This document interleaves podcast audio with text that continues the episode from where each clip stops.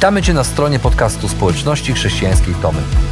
Mamy nadzieję, że rozważanie, które za chwilę usłyszysz, zainspiruje Cię do zrobienia kolejnego kroku w Twojej relacji z Bogiem. Bo w naszej społeczności zapraszamy wszystkich do relacji z Chrystusem, który zmienia wszystko. Dziękujemy za Twoje zainteresowanie i zapraszamy Cię do polubienia naszego profilu na Facebooku, Instagramie i YouTubie oraz ściągnięcia darmowej aplikacji na smartfona. Dobrego słuchania.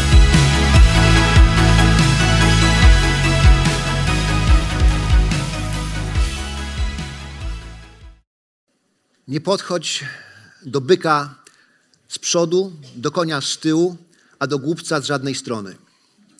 Od głupoty lepiej trzymać się z daleka, a z mądrością to zupełnie inna sprawa, ponieważ e, mądrości warto szukać i do niej dążyć, a zdobywanie mądrości wymaga wysiłku. Zwłaszcza, że świat, w którym żyjemy, jest skomplikowany i bardzo złożony. Już nawet małe dzieci to wiedzą, że żeby przetrwać w tym małym świecie zwanym rodziną, to potrzeba mądrości. Ktoś dał sobie trud, żeby spisać te niektóre mądrości dzieci. Na przykład Patryk, lat 10, ma taki wniosek życiowy. Nigdy nie ufaj swojemu psu, że przypilnuje ci jedzenia. E, Michał, lat 12, kiedy twój tata, kiedy twój, twój tata się na ciebie denerwuje i pyta się, czy ja wyglądam na głupiego, lepiej mu nie odpowiadaj. Marek, lat 11, nie kichaj przed mamą, kiedy jesz krakersa. A Ola, lat 9, kiedy mama denerwuje się na tatę, to nie pozwala jej, żeby rozczesywała ci włosy. Bo to może być bolesne.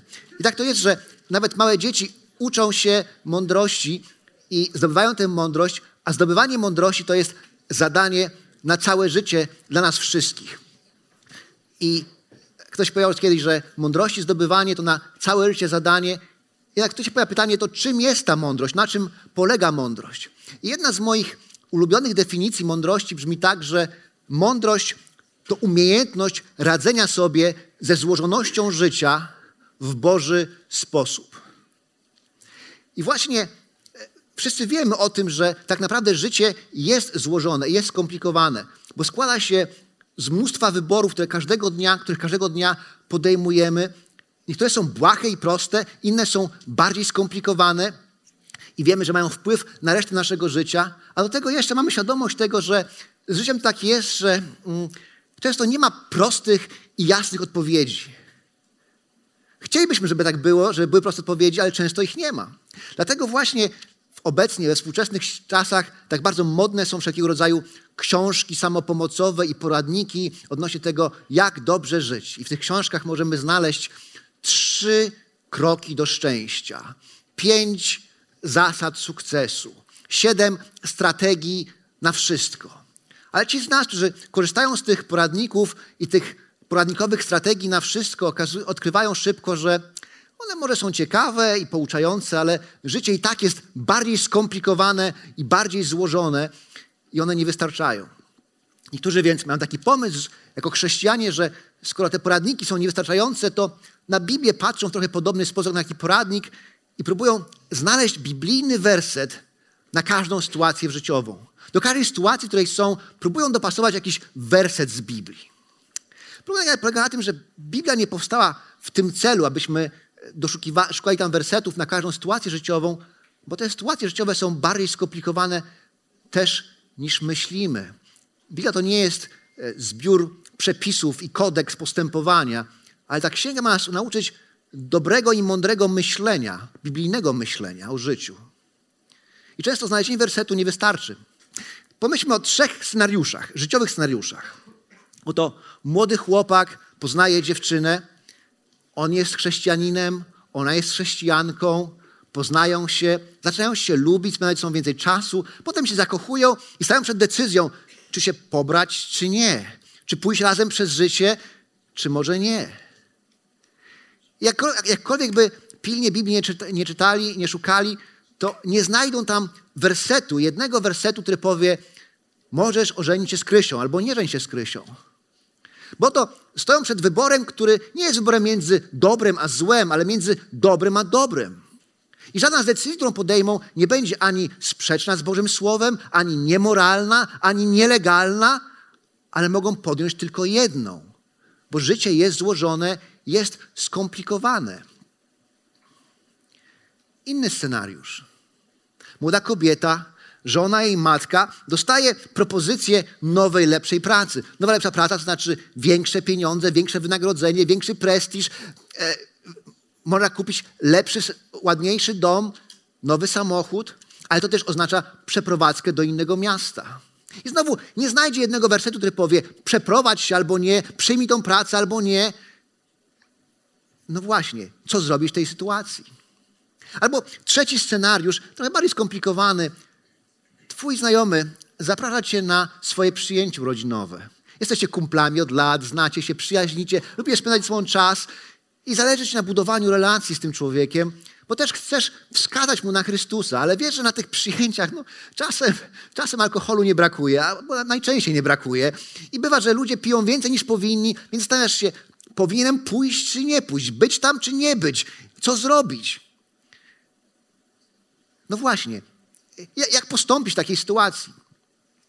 I znowu okazuje się, że nie znajdziemy jednego fragmentu, który nam powie, co zrobić.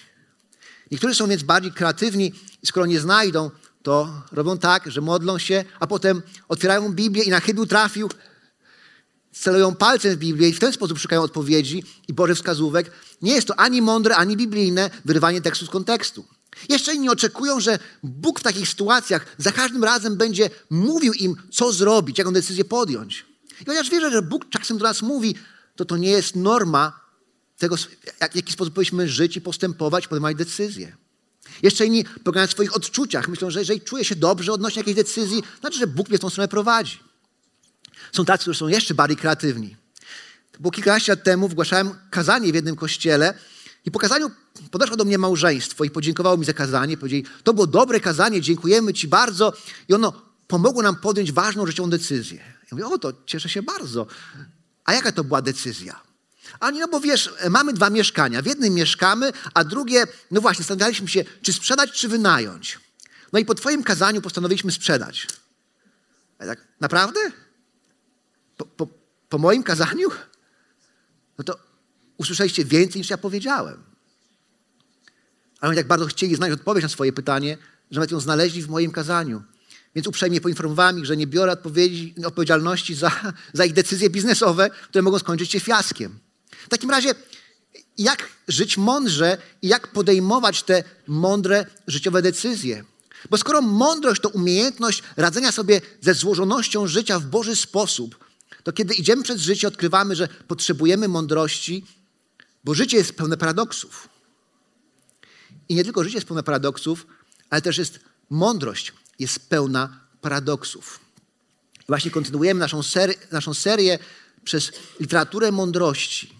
I dzisiaj, e, żeby nauczyć się mądrości, podsłuchamy jedną z rozmów. Pamiętacie, w zeszłym tygodniu mówiliśmy o tym, że na początku księgi przypowieści znajdujemy dziesięć rozmów, dziesięć mów ojca do syna. I dzisiaj spróbujemy podsłuchać fragmentu jednej z tych rozmów. Tak jakbyśmy się wśliznęli do kuchni króla Salomona i usiedli z nim przy kuchennym stole i słyszeli, jak on rozmawia ze swoim synem i uczy go mądrości. A uczy go mówiąc tak. Nie zapominaj, synu mej nauki i niech Twe serce przestrzega mych przekazań, bo one przedłużą Ci lata życia i na pewno pogłębią Twój pokój. Niech Cię nie opuszcza łaska ani prawda, zawiąż je sobie na szyi, wypisz na tablicy swego serca, a znajdziesz życzliwość i uznanie w oczach Boga oraz w oczach ludzi. I mądrość jest pełna paradoksów, tak jak życie jest pełne paradoksów. Tak jak relacja ojca z synem. Ponieważ relacja z ojca z synem polega na tym, czy w ogóle rodzica ze swoim dzieckiem polega na tym, że rodzice na początku chcą, aby dzieci były im posłuszne, aby się ich słuchały i uczą ich.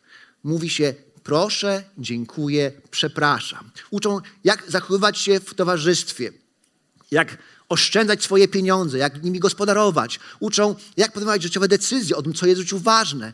I mają nadzieję, że dzieci się tego nauczą. Jak mówi e, ojciec do syna, nie zapominaj, synu, mej nauki. I niech Twe serce przestrzega mych przykazań. Mają nadzieję, że to, czego się nauczą, zostanie z nimi na zawsze. Ale celem rodzicielstwa nie jest to, aby dziecko do końca życia z każdą drobną decyzją przychodziło do mamy i taty i pytało się, co zrobić.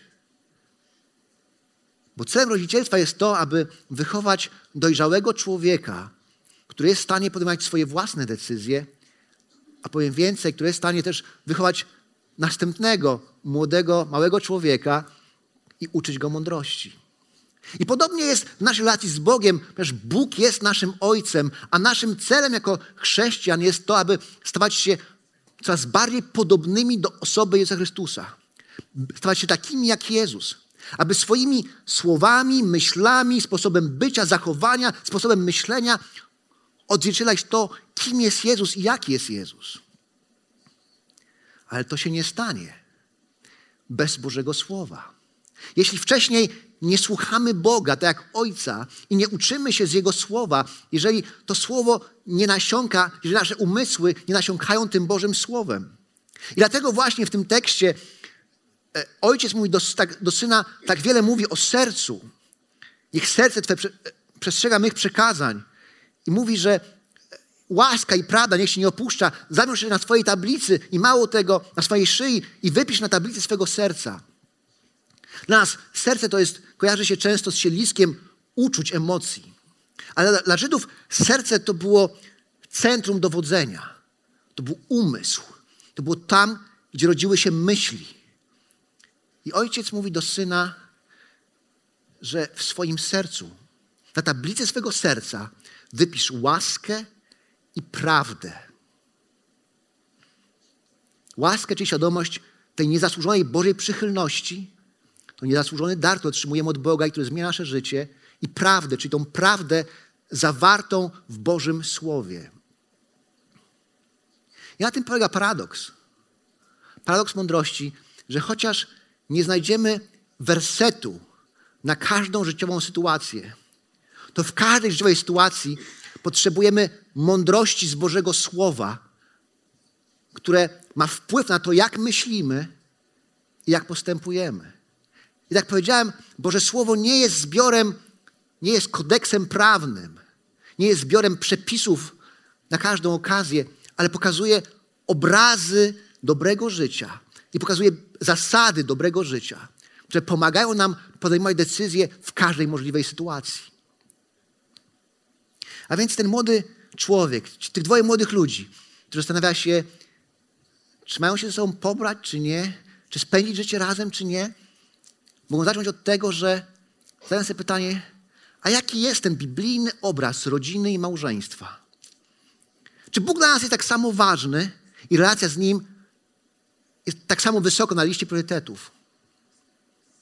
Czy tak samo postrzegamy służbę dla Niego? I obydwoje chcemy dla Niego służyć. Czy mamy tą świadomość tego, że naszym celem jako małżeństwa jest stawanie się podobnymi do Jezusa? Czy tego chcemy? Czy tak samo patrzymy na, na miłość, że miłość jest bezwarunkowa, jest wyborem, jest decyzją, którą podejmujemy. I nie kończy się wtedy, kiedy ty przestaniesz zaspokajać moje potrzeby, a ja przestanę zaspokajać twoje potrzeby.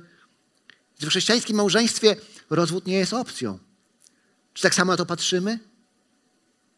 I okazuje się, że kiedy nasze myśli są ukształtowane przez Boże Słowo, zadajemy sobie więcej pytań niż ludzie wokół, podejmując decyzje. A ta kobieta, która stoi przed wyborem, czy przyjąć tą nową pracę, która wiąże się z przeprowadzką do innego miasta, nie tylko będzie zadała sobie pytanie, czy, czy ja więcej zarobię, ale zacznie od tego, jaki jest ten biblijny model ten obraz pracy, rodziny i mojej odpowiedzialności za siebie i innych ludzi. Czy dzięki tej pracy stanę się lepszą chrześcijanką, czy gorszą? Czy jak się tam przeniosę, to to będzie lepsze dla mojej rodziny, czy gorsze? Czy tam będzie kościół? Czy będzie miejsce, gdzie będziemy mogli służyć? To są pytania, które sobie zadaję. A to coś więcej niż znalezienie jednego wersetu na daną okazję. A w końcu, kiedy zostajesz zaproszony na to przyjęcie urodzinowe, i wiesz, że tam może być różnie. I z jednej strony chcesz pójść, bo chcesz budować relacje, a z drugiej strony nie wiesz, czy powinieneś. To też zaczynasz od tego, po co jesteś tak naprawdę, jaka jest Twoja odpowiedzialność za siebie i za innych. Jeśli wiesz, że masz problem z umiarem albo problem z alkoholem, to może właściwą decyzją będzie powiedzieć: Stary, ale nie pójdę. Na tej imprezie mnie nie będzie. Spotkamy się w innym miejscu, w innym czasie, poświętujemy w inny sposób, ale tam mnie nie będzie.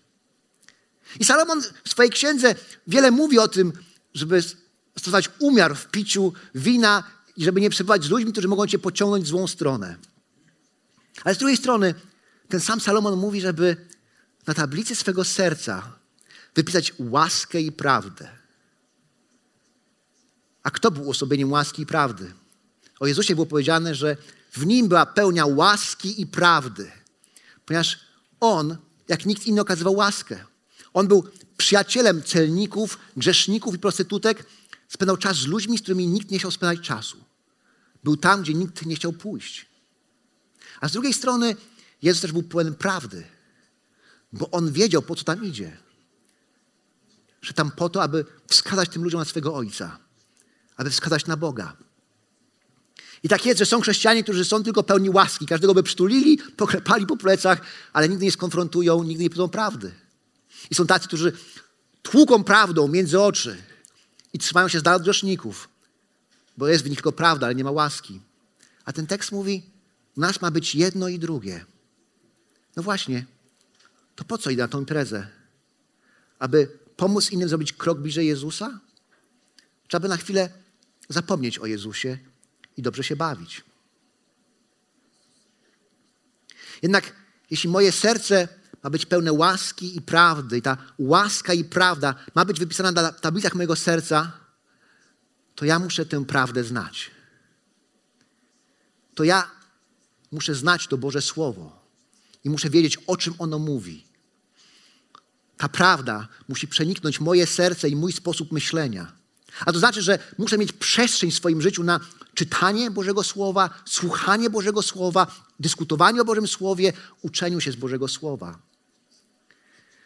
Ponieważ kiedy zmierzamy się z paradoksami życia i mądrości, to odkrywamy, że chcąc zdobyć mądrość, potrzeba mądrości. Aby wypisać słowa Boga w swoim sercu i w swoim życiu.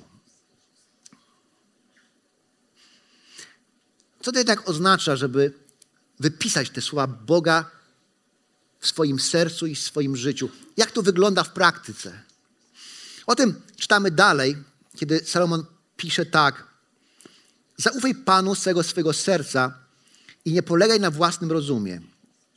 Licz się z Nim na wszystkich swych drogach, a On prostować będzie Twoje ścieżki. Nie uważaj się sam za mądrego, bój się Pana oraz stroń od zła, to przyniesie uzdrowienie Twemu ciału i przywróci rzeźkość Twoim kościom. To jest ciekawe, bo tutaj znajdujemy kolejny paradoks. Mianowicie, jeśli chcesz zdobyć mądrość, to musisz uznać Twój brak mądrości. To musisz się przyznać do tego, że brak Ci mądrości. A to nam nie przychodzi w życiu łatwo. Ponieważ kiedy my myślimy o swoim życiu, to my myślimy, że my wiemy wszystko najlepiej. My znamy najlepsze rozwiązania i my wiemy, co dla nas jest dobre i właściwe.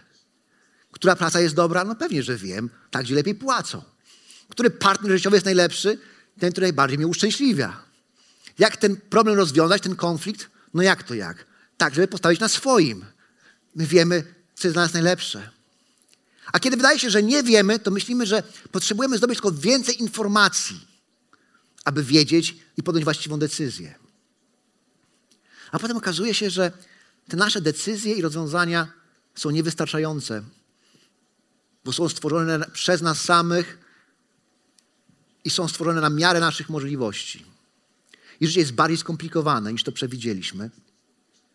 Bo prawda jest taka, że my nie potrzebujemy więcej informacji, ale my potrzebujemy większej kapitulacji przed Bogiem, większego poddania się Bogu.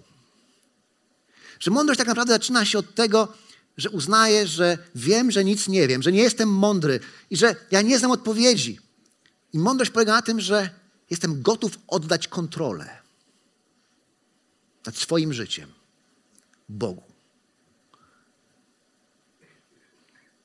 A to wydaje się irracjonalne i trudne, choć tak naprawdę my to robimy każdego dnia. Bo kiedy idziesz do lekarza i on mówi, konieczna jest operacja, to w dniu operacji nie tłumaczysz lekarzowi, jak trzymać skalpel, ani nie, nie mówisz, że ja sam będę ten skalpel trzymał, sam się zoperuję, bo przecież moje zdrowie jest najważniejsze, ale polegasz na nim, oddajesz kontrolę, bo wiesz, że on wie lepiej. Kiedy wsiadasz do samolotu, to nie przepychasz się do kabiny pilota, bo twoje bezpieczeństwo dla ciebie najważniejsze i ty wiesz lepiej, ale siadasz i może zestresowany, i może spocony, i może przejęty, zapinasz pasy i pozwalasz, żeby ten, samolot, ten pilot podniósł ten samolot i przeleciał przez Atlantyk, bo on wie lepiej. I podobnie jest z Bogiem, że chociaż czasem oddanie kontroli bywa trudne, to oddajemy ją, bo wiemy, że Bóg, który stworzył świat i stworzył nas, wie lepiej, jak życie powinno wyglądać. Dlatego Salomon mówi: Zaufaj Panu z całego swojego serca i nie polegaj na własnym rozumie. Nie uważaj się za mądrego. Bój się Pana oraz stroń od zła. W zeszłym tygodniu powiedzieliśmy sobie, że to słowo, ten zwrot bój się Pana znaczy tyle, co uznaj Boga jako swój najwyższy autorytet. Żyj zgodnie z Jego słowem, bądź posłuszny Jego słowu. To jest ten moment, kiedy uznaję, że ja nie potrafię, ale Bóg potrafi poprowadzić mnie właściwą drogą. I to jest ciekawe, że wcześniej Salomon pisał o tym, aby łaska i prawda były wypisane na tablicy serca. A tu pokazuje, że ta łaska i prawda wypisane na tablicy mego serca mają wpływ na moje nogi, na to, jak idę. Ponieważ jeśli zaufam Panu z całego swojego serca i nie polegam na własnym rozumie, to liczę się z Nim na wszystkich swoich drogach. I On prostuje moje ścieżki. To znaczy, że idę przez życie inaczej. Postępuję inaczej. Bo Boże Słowo nadaje rytm mojemu życiu. I to też pokazuje, w jaki sposób zdobywamy mądrość. Że mądrość tak naprawdę nie spływa nas z nieba automatycznie jednego dnia. Ale jeśli życie jest jak podróż, to znaczy, że ma swój początek i swój koniec. I podróży nie odbywa się w jednej sekundzie, ale że podróżować potrzeba czasu i podróż odbywa się jak? Krok za krokiem. Krok za krokiem. Noga za nogą. Krok za krokiem. I tak wygląda życie z Bogiem. Że noga za nogą, krok za krokiem idziemy z Bogiem przez życie i kiedy idziemy ucząc się z Jego słowa, to nabywamy mądrości.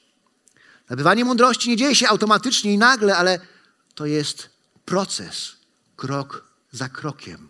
Kiedy uczymy się słuchania i stosowania Bożego Słowa w swoim życiu.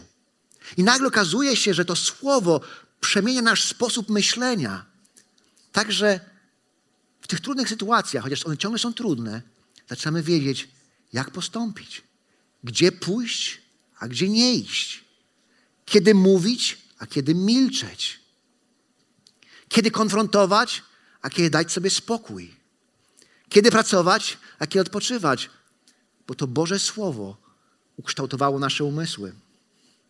A więc odkrywamy kolejny paradoks kolejną lekcję od Salomona, że chcąc zdobyć mądrość, muszę uznać swój brak mądrości i ćwiczyć codzienne poddawanie Bogu i Jego Słowu. Daniel Grot, pisząc o mądrości, powiedział, że z mądrością jest trochę jak z jazzem. Mówi, że wszyscy wielcy muzycy jazzowi mają trzy wspólne cechy. Po pierwsze, wszyscy opanowali podstawy, spędzili dużo czasu ucząc się nut, ćwicząc gamy e, i, i, i, i po prostu ćwiczyli technikę grania tak, aby umieć grać tak dobrze, jak tylko możliwe.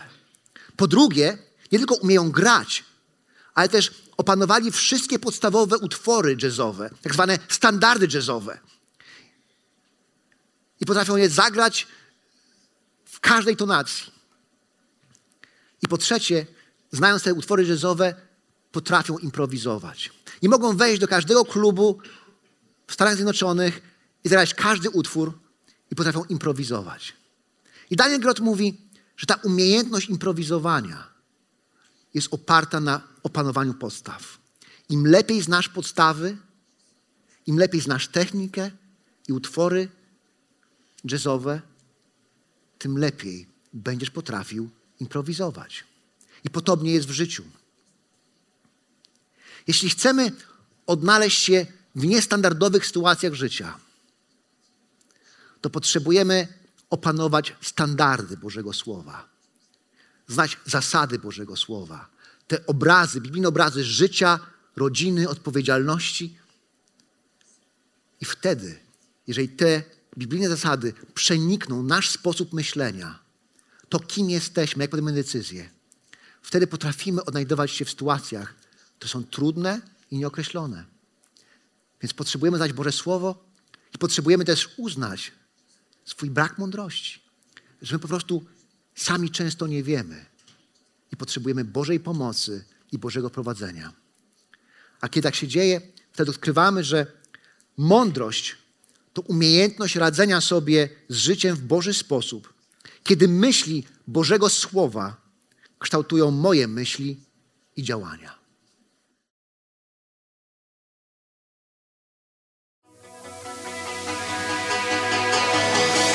Jeszcze raz dziękujemy za wysłuchanie naszego rozważania.